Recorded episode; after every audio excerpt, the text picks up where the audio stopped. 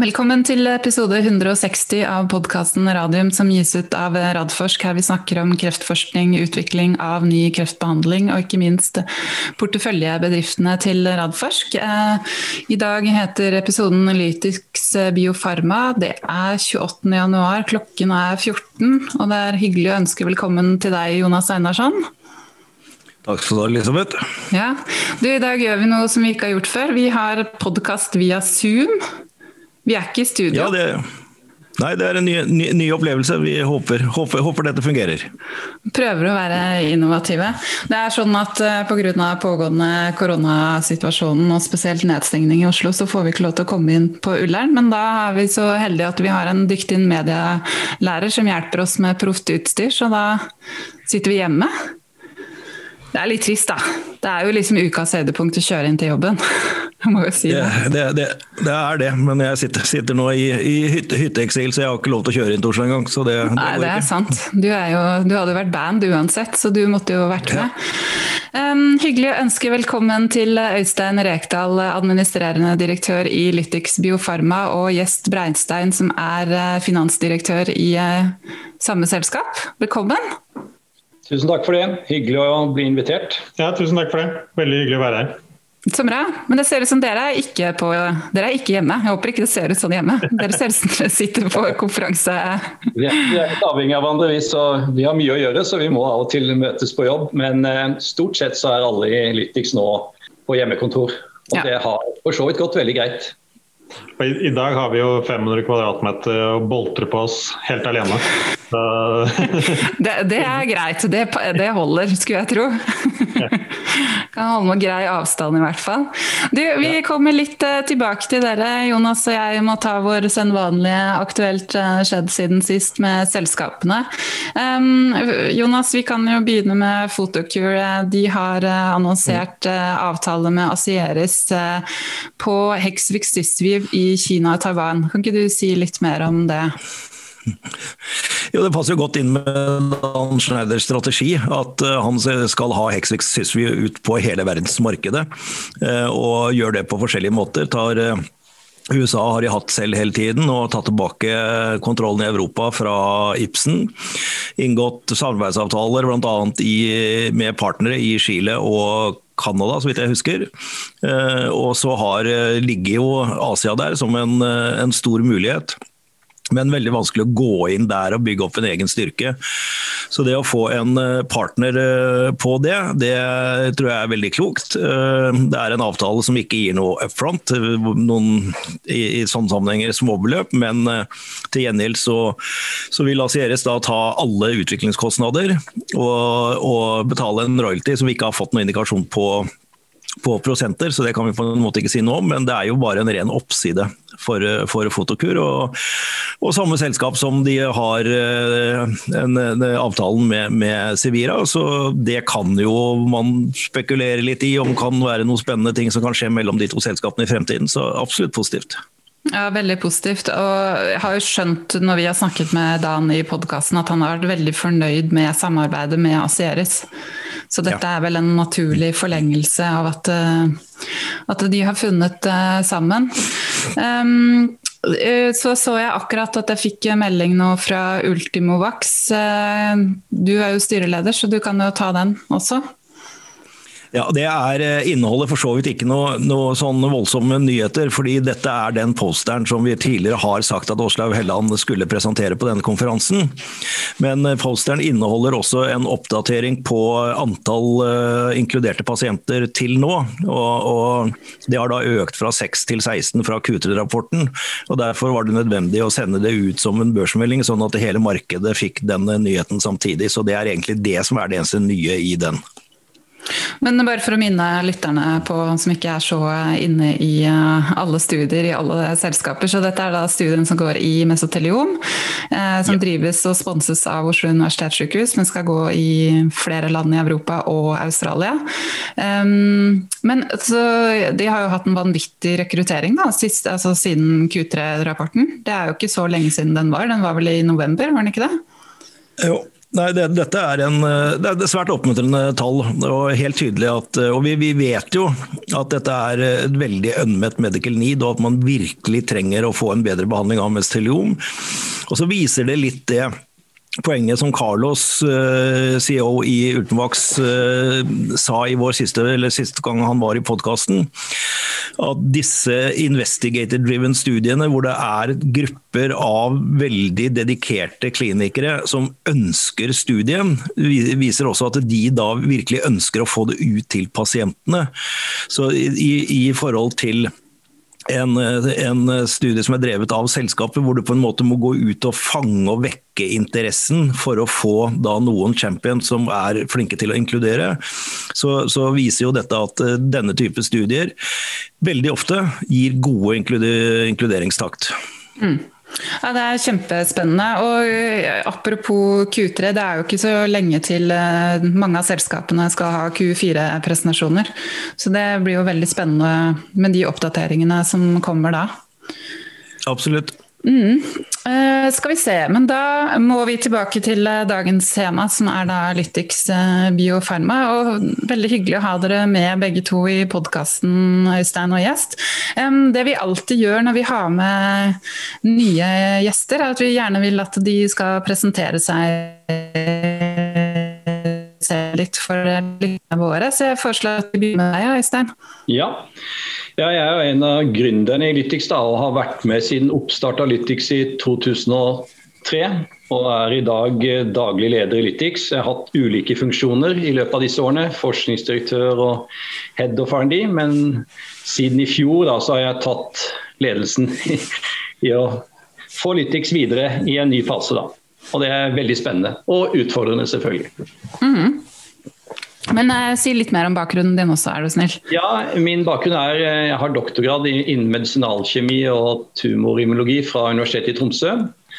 Og har fram til faktisk i fjor hatt en uh, stilling ved Universitetet i Tromsø, en bistilling, som professor to. Og hadde jo en i, i hine år, gamle tider en stor forskningsgruppe i Tromsø da, som var med på å legge grunnlaget for uh, den teknologien som er spunnet ut i Lytix. Så jeg har jo vært med i Lytix, men jeg har jo vært med helt fra starten tilbake på 90-tallet. Så dette har jo vært et livslangt løp for meg. Så det er bra ikke man visste hvor langt, hvor langt, langt maratonløp dette skulle være når man starta. Nei, det, det er, sånne ting er greit å ikke vite. Ja. Så, nei da, så, nå, så vi flyttet jo selskapet ned til Oslo, for vi så jo at vi, det var vanskelig å rekruttere dyktige folk innen eh, klinisk utvikling og kommersialisering. Så vi har jo holdt til i Oslo da, siden 2008. Og vi, hadde, vi etablerte jo også et, en forskningsavdeling på Oslo Cancer Cluster Inkubator som vi hadde stor glede av noen år.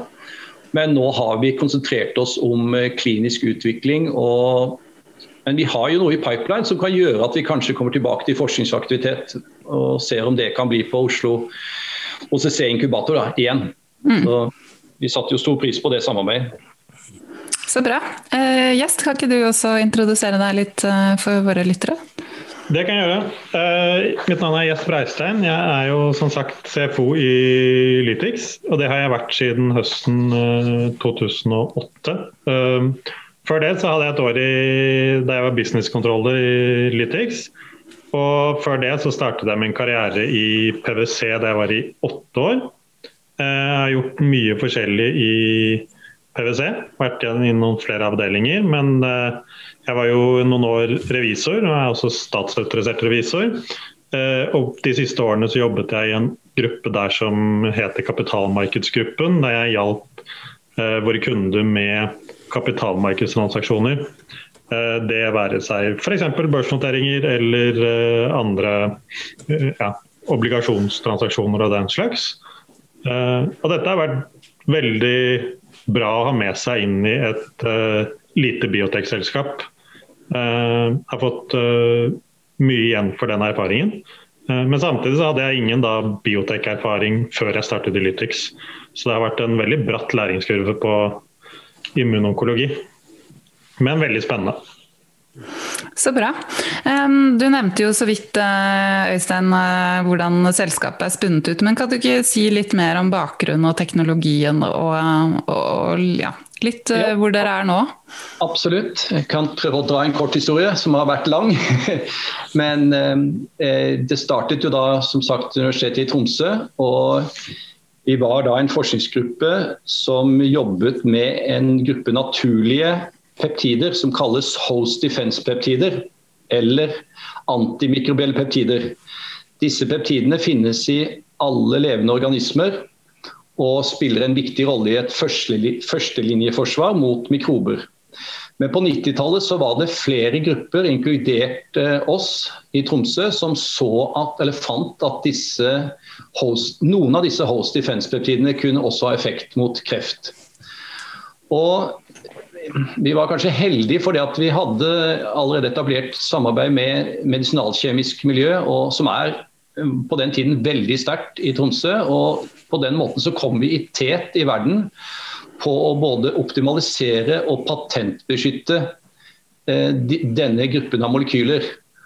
Og, og, og Samtidig så skjønte vi også at vi var sterke på molekylene, men vi, for å kunne virkelig dokumentere den biologiske effekten til disse nye molekylene, så innså vi at vi er et lite universitet, eh, verdens nordligste universitet, og noen vil kanskje sågar si University of Nowhere. Så vi skjønte at vi måtte etablere samarbeid med de beste institusjonene i verden da, for å dokumentere effekten av disse molekylene på en ordentlig måte. Så gjennom samarbeid og med bl.a. Harvard og institutt Gustav Rossi, som er eh, kanskje Europas fremste kreftforskningsinstitusjon, så har vi publisert en rekke vitenskapelige artikler på teknologien vår. Sånn at vi anser liksom teknologien for å være bunnsolid sånn vitenskapelig. Da. Uh, så Det som er unikt med denne, denne typen eh, molekyler, disse onkolytiske molekylene, det er at de bl.a. dreper kreftceller som er motstandsdyktige mot eh, kjemoterapi. Og til og med sånne såkalt multiresistente kreftceller. Så Det gjør at disse molekylene er i stand til å frigjøre Altså drepe og frigjøre mutasjoner eller tumorantigen fra alle de ulike kreftcellevariantene som finnes i en eh, kreftsvulst. Og Det er det vi i dag kaller tumorheterogenitet. Det at en solid tumor eller en svulst inneholder ikke én type kreftceller, men en stor variant av ulike kreftceller, såkalte subkloner, som har ulike mutasjoner og ulike karakteristika. Så et av dagens største problemer er hvordan man skal få terapi rettet mot hele dette spekteret av de ulike kreftcellene. Og ved at våre molekyler virker mot alle mulige resistente kreftceller, som vi har studert ganske stor detalj, og det at de kan frigjøre disse endringene i, i kreftcellene, gjør at vi ser at både i prekliniske modeller og i pasienter så får vi et mye bredere T-cellesvar. Dvs. Si at vi får mange, et mye større repertoar av ulike kreft T-celler som ser, kan se ulike tumorantigen. Og Dermed så tror vi da at uh, vår teknologi kan representere en måte å vekke immunsystemet mot mye, en større del av, av uh, eller, eller, hele, hele kreftsvulsten. Og, men vi innser at vårt molekyl ikke er i stand til å kurere pasienter alene. Men så Derfor har vi jo gjort studier i, i, på, i kombinasjon med, med disse immuncheckpoint-inhibitorene, eller bremsefjernerne, som vi kan kalle det på godt norsk. Og Der ser vi lovende effekter. da. Så Lokal behandling med vårt molekyl i, i pasienter har vist bred T-cellerespons, men også signifikant reduksjon av svulster andre steder i kroppen som har gått ned i størrelse. og Det har vi sett så langt i en tredjedel av pasientene som har blitt behandlet. Mm. Mange jobber i selskapet nå? Vi er ikke en stor gruppe, vi er i underkant av ti. Men vi har, jobber med både konsulenter og så jobber vi med et globalt CRO Covans. som består av 60 000 eksperter innen, innen legemiddelutvikling. Og, og, Der har vi også innleid vår CMO, Kamal Saini, og regulatorisk ekspertise. Og ekspertise både på, som var med nå på denne IND-en, som kanskje kommer tilbake til, men også nå på å legge til rette for det programmet vi skal kjøre med godkjent IND.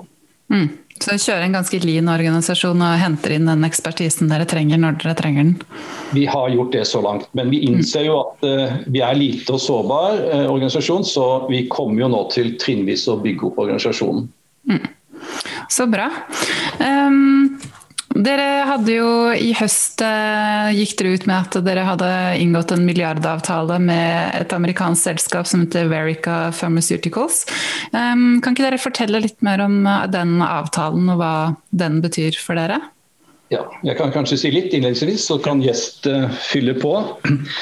Jo, altså, For oss var jo det en veldig viktig kommersiell avtale. Uh, vi har vist god vitenskapelig dokumentasjon, men det, var veldig viktig milepæl å vise at dette har et kommersielt potensial også. Og Det denne lisensavtalen går ut på, er jo at de skal lisensiere vårt uh, vår legemiddelkandidat til behandling av hudsykdommer som ikke har spredd seg. Og Det er fortrinnsvis eh, basal cellekarsinom, som man eh, kaller gammel, gammelmannskreft i Norge. Og, eh, og plateepitelkarsinom, men også føflekkreft som ikke har spredd seg. Så, så, og dette er totalt, et ganske stort marked i seg selv, denne delen av, av krefttyper innen hudkreft. Og Derfor var dette en veldig, en veldig positiv milepæl kommersielt sett, og også for eierne selvfølgelig, og, og for, for, for, vår teknologi. At vi fikk dokumentert at det er kommersiell interesse der ute. Mm. Kan kanskje lite om Verica og litt mer om avtalen. Ja, og vi er jo eh, som Øystein sier, veldig stolte over den eh, avtalen. Men dette er jo noe vi har uh, jobbet målrettet mot. Uh, men det skal være sagt at vi hadde en lengre horisont på å få på plass en sånn lisensieringsavtale uh, i utgangspunktet. men en av årsakene til at vi fikk denne si, avtalen med Verica på plass tidligere enn forventet, var at de med en gang vi snakket med dem, så så de potensialet for uh, LTX 315, vår legemiddelkandidat, i denne type hudkreft. Uh, de ble veldig tent på ideen og ja, tok initiativ omtrent og drev mye av den tidlige prosessen. Og sånn Dette er jo, som Øystein har vært innom, nokså store eh, kreftindikasjoner. Det er vel uh, fem millioner uh, diagno diagnostiserte med basal cellekarsinom og plateepitelkarsinom. Så det er veldig store pasientgrupper. Og det er spennende for oss å komme potensielt å komme inn i denne gruppen av kreft som vi foreløpig selv ikke har utforsket. Mm. Det er jo um, Disse kreftformene behandles jo stort sett med kirurgi. Så den, eh, Det spennende her er jo om vi klarer å behandle disse uh, svulstene på en måte som at vi unngår å bruke kirurgi, og at uh, svulstene forsvinner av seg selv uten at pasientene må skjæres opp. Og Det er jo mange av disse svulstene som er i ansiktet, så det er jo ikke så heldig å ha eh, operasjonsår i ansiktet. Og eh, det er ofte slik at de gror dårlig når det først eh, utføres i kirurgi. Mm. Så det er en betydelig forbedring for pasientene hvis 315 eh, funker i dette. Um, og ja, Verica er jo et uh, selskap som har spesialisert seg på hudsykdommer. Eh, og har utviklet eh, flere legemidler for eh, forskjellige hudsykdommer. Så det er jo en spennende kandidat eller spennende selskap å jobbe sammen med mm. på dette feltet. Om avtalen så kan det være sagt at Verica skal gjøre utviklingen og kommersialiseringen, men vi skal jo da ha fortsatt kontroll over produksjonen av det aktive virkestoffet. Så bra. Jonas, må koble på deg litt uh, også. Du mm. kjenner jo også Lytix uh, godt. Uh, og, hva, hva, tenker du om selskapet og den avtalen som de fikk i høst? Nei, jeg har jo fulgt selskapet og kjent Øystein vel nesten, nesten, siden 2003, tror jeg. Men selskapet utviklet seg jo de første årene i, i Tromsø og med, med, lokale investorer. Så Det er liksom litt hovedgrunnen til at vi, vi ikke var, var, med i, i Lytix til å begynne med. Men, men, jeg har selvfølgelig fulgt de hele veien. og Skal de fortsette å drive med, med forskning eh, senere, så må de selvfølgelig legge det tilbake til inkubatoren. For det er der, der den type ting hører hjemme. Nei, Jeg syns Lytix er et veldig spennende selskap. Det er, det er, enkelt å forstå teknologien, og den, den eh, har jo de vist eh, opp gjennom årene at den eh, ser ut som den gjør akkurat det den skal gjøre. og Det er jo ganske imponerende å se hvordan, hvordan disse molekylene faktisk nesten sprenger kreftcellene i, i stykker. Så, så det, er, det er spennende. Eh, veldig fint og morsomt at jeg fikk den, eh, den avtalen, fordi det, det, viser at det er en farma der ute som eh, mener at dette kan, kan være verdt å, å, putte penger inn i. Og det er jo det de gjør, de putter jo mye penger inn. Nå vet ikke jeg noen detaljer i, i avtalen, men jeg går ut ifra at den er såkalt backloaded. Men ved, ved en suksess så kan jo det gi betydelige inntekter til, til Lytix senere.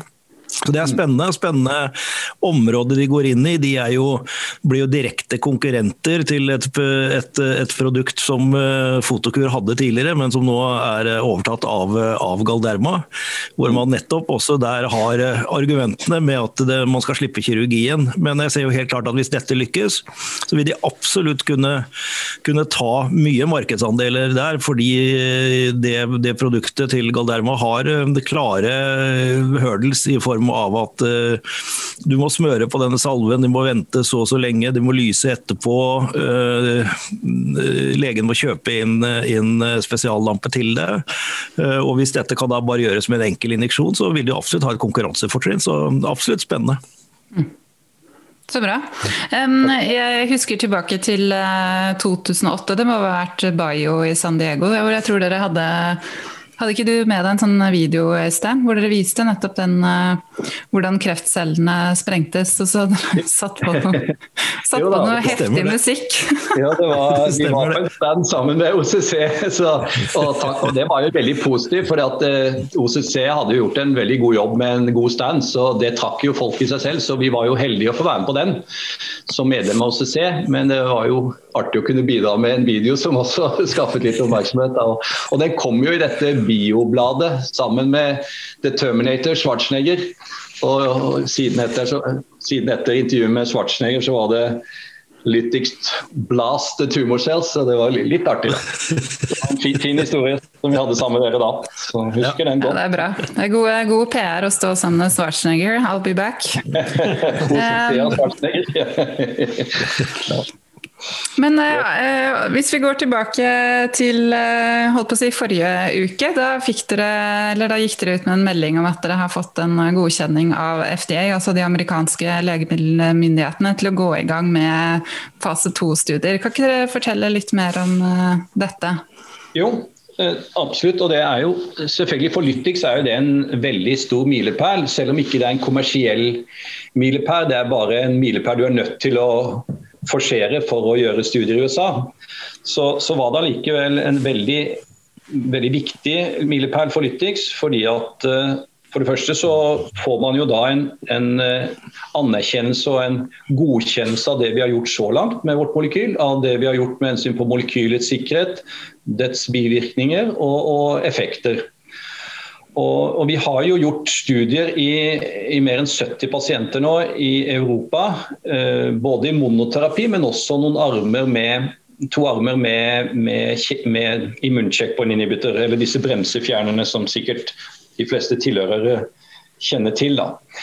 Og, og, og, det vi har gjort nå da, med denne parallelt med å søke inn, er jo at vi sammen med eksperter på MD Andersen, og spesielt da nobelprisvinner Jim Allison og hans kone Padme Sharma, har, har designet et studie nå hvor, vi, hvor målet er å virkelig prøve å dokumentere den kliniske effekten til 315 og bevise hva 315 bidrar med i en kombinasjon.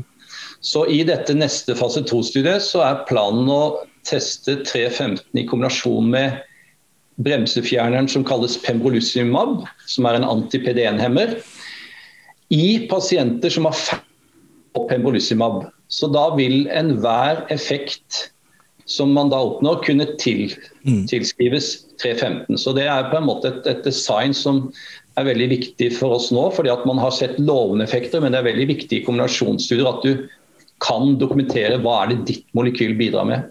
Mm. Så, og der skal vi teste... Absolutt. Et, et, et, spørsmål, et, spørsmål, til deg. Eh, jeg synes dette er veldig spennende, og jeg, jeg er veldig enig å gjøre kombinasjonsstudier på refraktære pasienter. Er, eh, da behøver du ikke regne så mye statistikk. Det er som du sier, Hver pasient som responderer da er et tegn på at det er en klinisk effekt. Men eh, skal dere kjøre basket trial eller på, i enkeltindikasjon? Ja, veldig, veldig godt spørsmål. Så, så, som sagt så har vi designa dette med, med topp eksperter. Da, og Spesielt Pam Sharma er jo veldig, viser seg å være veldig god klinisk strateg og tenker ikke bare klinisk, men, men, kommersielt. og Her er det noe som kan kalles et såkalt signal seeking study. Hvor vi inkluderer flere ulike indikasjoner for å prøve å se hvor er det vi får signaler og effekt. Så dette er ikke på en måte det endelige studie, men det er først å se på indikasjoner der pembrolizumab er godkjent, som mm -hmm. eh, hode-hals, eh, føflekkreft og, og eh, melanom, eller der anti-PD1-terapi er godkjent, ikke bare pembrolizumab. Og så I tillegg så ser vi også på indikasjoner hvor eh, eh, pembrolizumab eller anti-PD1 ikke er godkjent, og som ofte har såkalte kalde tumorer, der man ikke forventer så god effekt. Og se om vi kan generere en synergi for å også se om det er mulig å utvide indikasjonene hvor anti-PD1 kan virke. For det er jo det som er hele poenget da. vårt. er å prøve å dokumentere at 315 kan sensitisere pasienter for anti-PD1-terapi der de ikke er en respons, ved å generere T-celler. Så, ja, og det, det, det, det, er jo akkurat samme strategien og tankegangen som alle som jobber med å øke T-celler og få den responsen, spesielt hos de kalde. Og ja. også der hvor, hvor, eh, man har ikke fått indikasjonen med PD1-hemmere, men nesten fikk det til. Og kanskje kan løfte de, de over der. Så, så, strategien sammenlignbart med onkolytiske viruser, med, med peptidvaksiner og dette, så er jo tankegangen og strategien og måten å utvikle det på helt like. Ja, Helt riktig. Så, så helt enig. Og, og, og, så Det legges opp til da dette seeking, signal seeking, og så vil man ha ekspansjonkortet hvor man vil følge opp mer med et større antall av pasienter i de indikasjonene man ser effekt av. Ja. Og så får man se hva Ja, unnskyld. Det, det, er, det, er, ikke så lett med sånn Zoom-greie når man ikke ser hverandre godt nok. Det, det går bra. det går bra.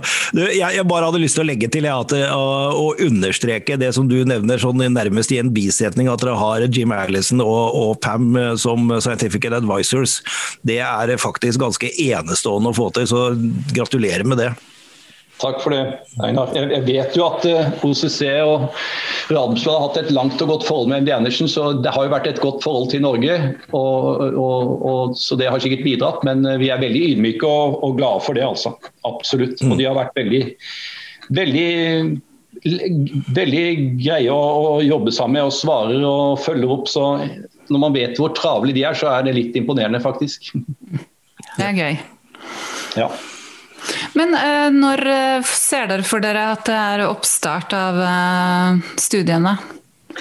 Så nå er vi jo med Aindin da, som gikk inn, som vi selvfølgelig vi kunne ikke legge for store planer før Aindin var på plass, som nå kom i januar. Så, så er vi jo nå i full gang da med, sammen med Covans å planlegge studiet, etablere kontakt med sitene og gjøre klart også alt CMC-arbeid med molekyler og sånt for, for, oppstart i USA. Så vi, vi, har jo satset inn mot ja, Q2 da, uten å være, kunne være helt nøyaktig på måned enda. Mm. Mm. Og dette har, vel kanskje også, har jo også litt med nå å, å legge til rette også finansieringen for det neste, neste løpet. Mm. Ja, og så er det vel litt vanskelig å planlegge i forhold til den koronasituasjonen. Altså, USA er jo ekstremt hardt eh, rammet. Det er akkurat det. Og det er jo en veldig viktig poeng nå når man skal planlegge og og, et løp som også skal klare å rekruttere pasientene i, i riktig hastighet. Så, så, vår strategi da, det er å prøve å etablere, altså etablere samarbeid med sites på ulike regioner i USA. fordi at Får du et lockdown og to av sentrene dine er i det området, så er du ille ute. Mm. Så det er et veldig viktig poeng. Mm. Så vi prøver, prøver å ta høyde for. da. Så bra. Det er jo egentlig en fin eh, bro eh, over til det med finanser. Eh, hvordan er den finansielle situasjonen, og hvordan planlegger dere for, å, for det framover? Altså for å finansiere det kommersielle løpet dere er i gang med? Eh, vi har en uh, fin eh, finansieringssituasjon per i dag, men vi vil måtte hente mer penger for å kjøre fullt trøkk på dette studiet som vi skal starte opp. og det har jo vært nevnt i media at vi har en si, strategisk ambisjon om en børsnotering. og en eventuell børsnotering gjør vi jo av flere årsaker, men det er jo Vi, er, vi har jo vært privat selskap veldig lenge. Uh, og det er ikke lett å hente penger til private selskaper over lang tid. Så det å få tilgang til uh, større og dypere kapitalkilder ved en notering er veldig viktig for oss. Men samtidig så er jo vi et selskap med mange og trofaste aksjonærer. Å kunne gi noe tilbake til de som har backet oss i så mange år, det er viktig for oss. Uh, og mm. ja, Det er jo mange som uh, mener at det er på høy tid at vi noterer oss. Mm. Vi, har, vi, har, holdt på lenge. Mm. Men uh, dere har forsøkt å gå på børsen før, har dere ikke det? Det har vi. det var et noe vi gjorde mot børsen i Stockholm tilbake i 2017. Eh, der var vi ikke så heldige, men eh, det er, eh, timing er veldig viktig. Og mm. det er vel først og fremst timingen som var feil på det tidspunktet. Mm. Men Hvordan tenker du om timingen nå, da? Det er jo, altså, altså, markedene verden over er jo ekstremt volatile nå pga. koronapandemien. Ja, og dette har jo vært en litt uh, lengre prosess for oss. For at uh, vi har uh, hatt et ønske om å gjøre oss hva skal jeg si, IPO ready. så vi har over tid liksom jobbet strategisk for å komme dit vi, er, vi, mener vi er i dag. Da. og det å treffe markedet riktig det er jo noe alle aktører uh, vil slite med. og Vi ser ut av vinduet i dag, og det er et veldig volatilt marked. så uh, Det er en, sånn utfordring for oss alle. Men også timingen internt i selskapet gjør det på riktig tidspunkt. Uh, og sørge for at man er rigget for en positiv notering, men også en positiv reise etter at du er notert. Det har vært viktig for oss. Mm.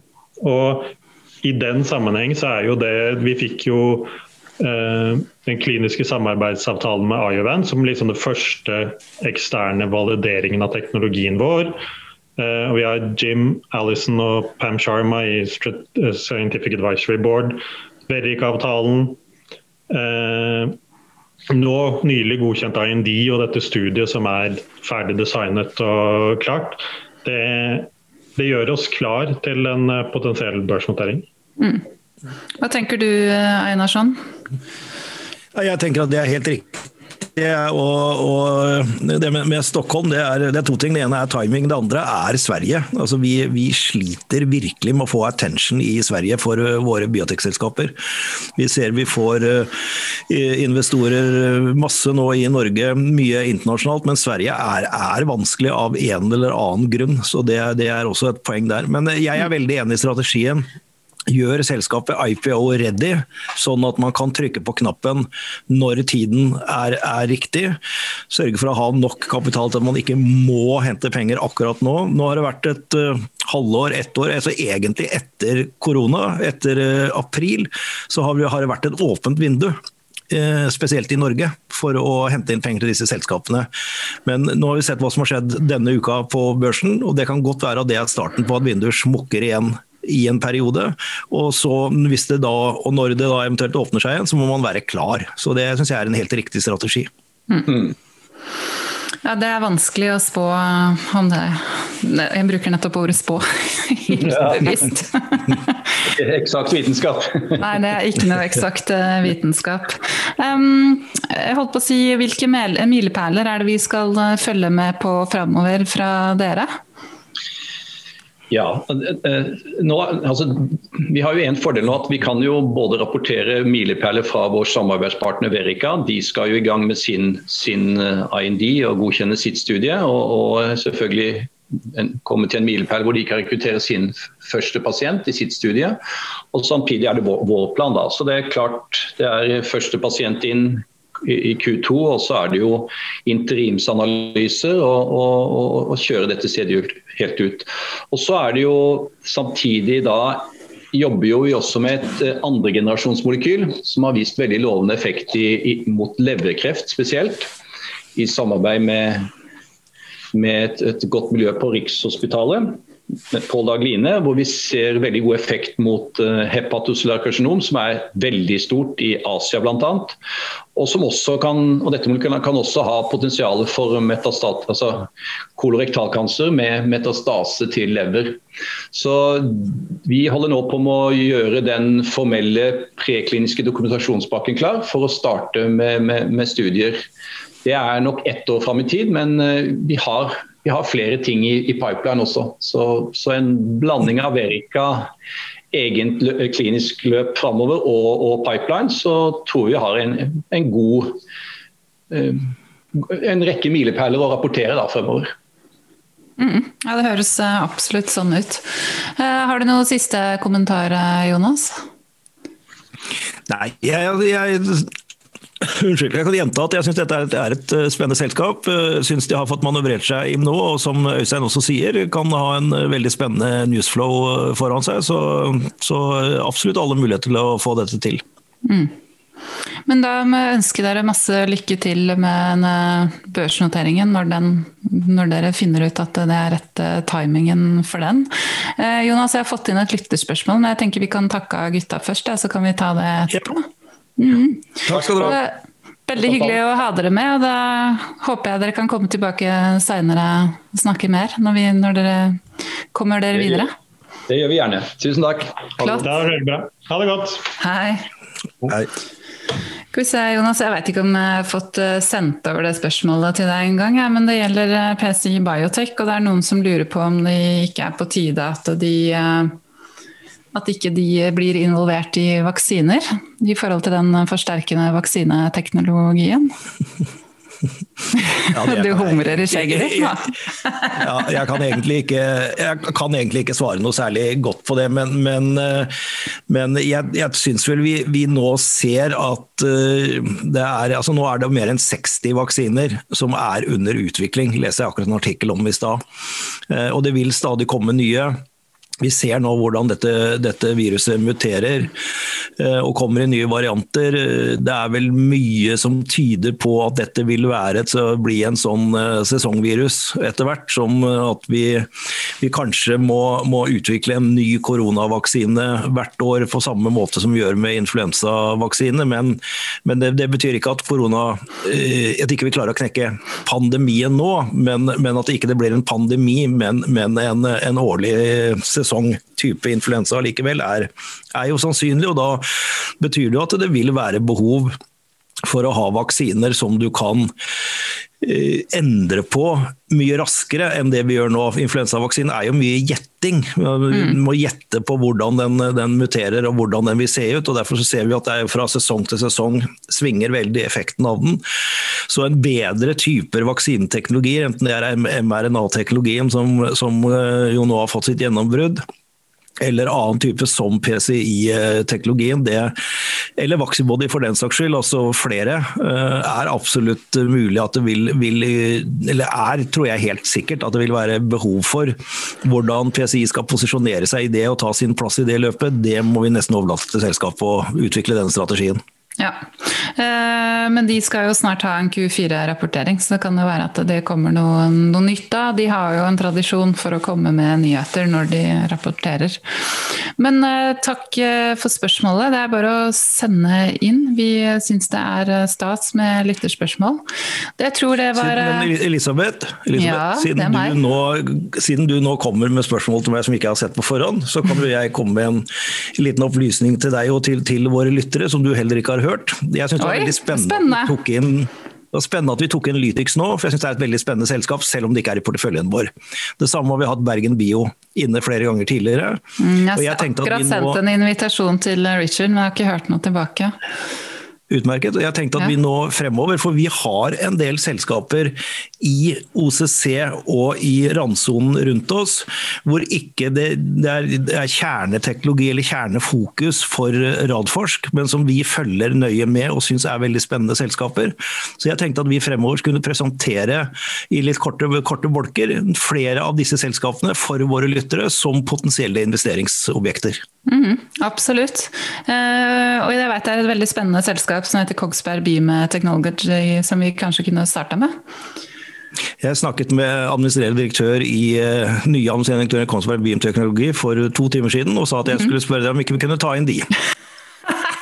Det verste er at dette har vi ikke prata om. Nå er vi gode. vi, er vi er best på hjemmekontor. Og de, de, skal ut og hente noen penger. Kjempespennende ja. selskap. Vi presenterer de så fort som mulig i podkasten. Det gjør vi. Ja, men det er en bra, bra, plan. Yes, men da får du um, ha det så bra du kan uh, i isolasjonen. Det skal nok gå bra. Ja, så snakkes vi igjen uh, neste uke i podkasten. Takk for i dag.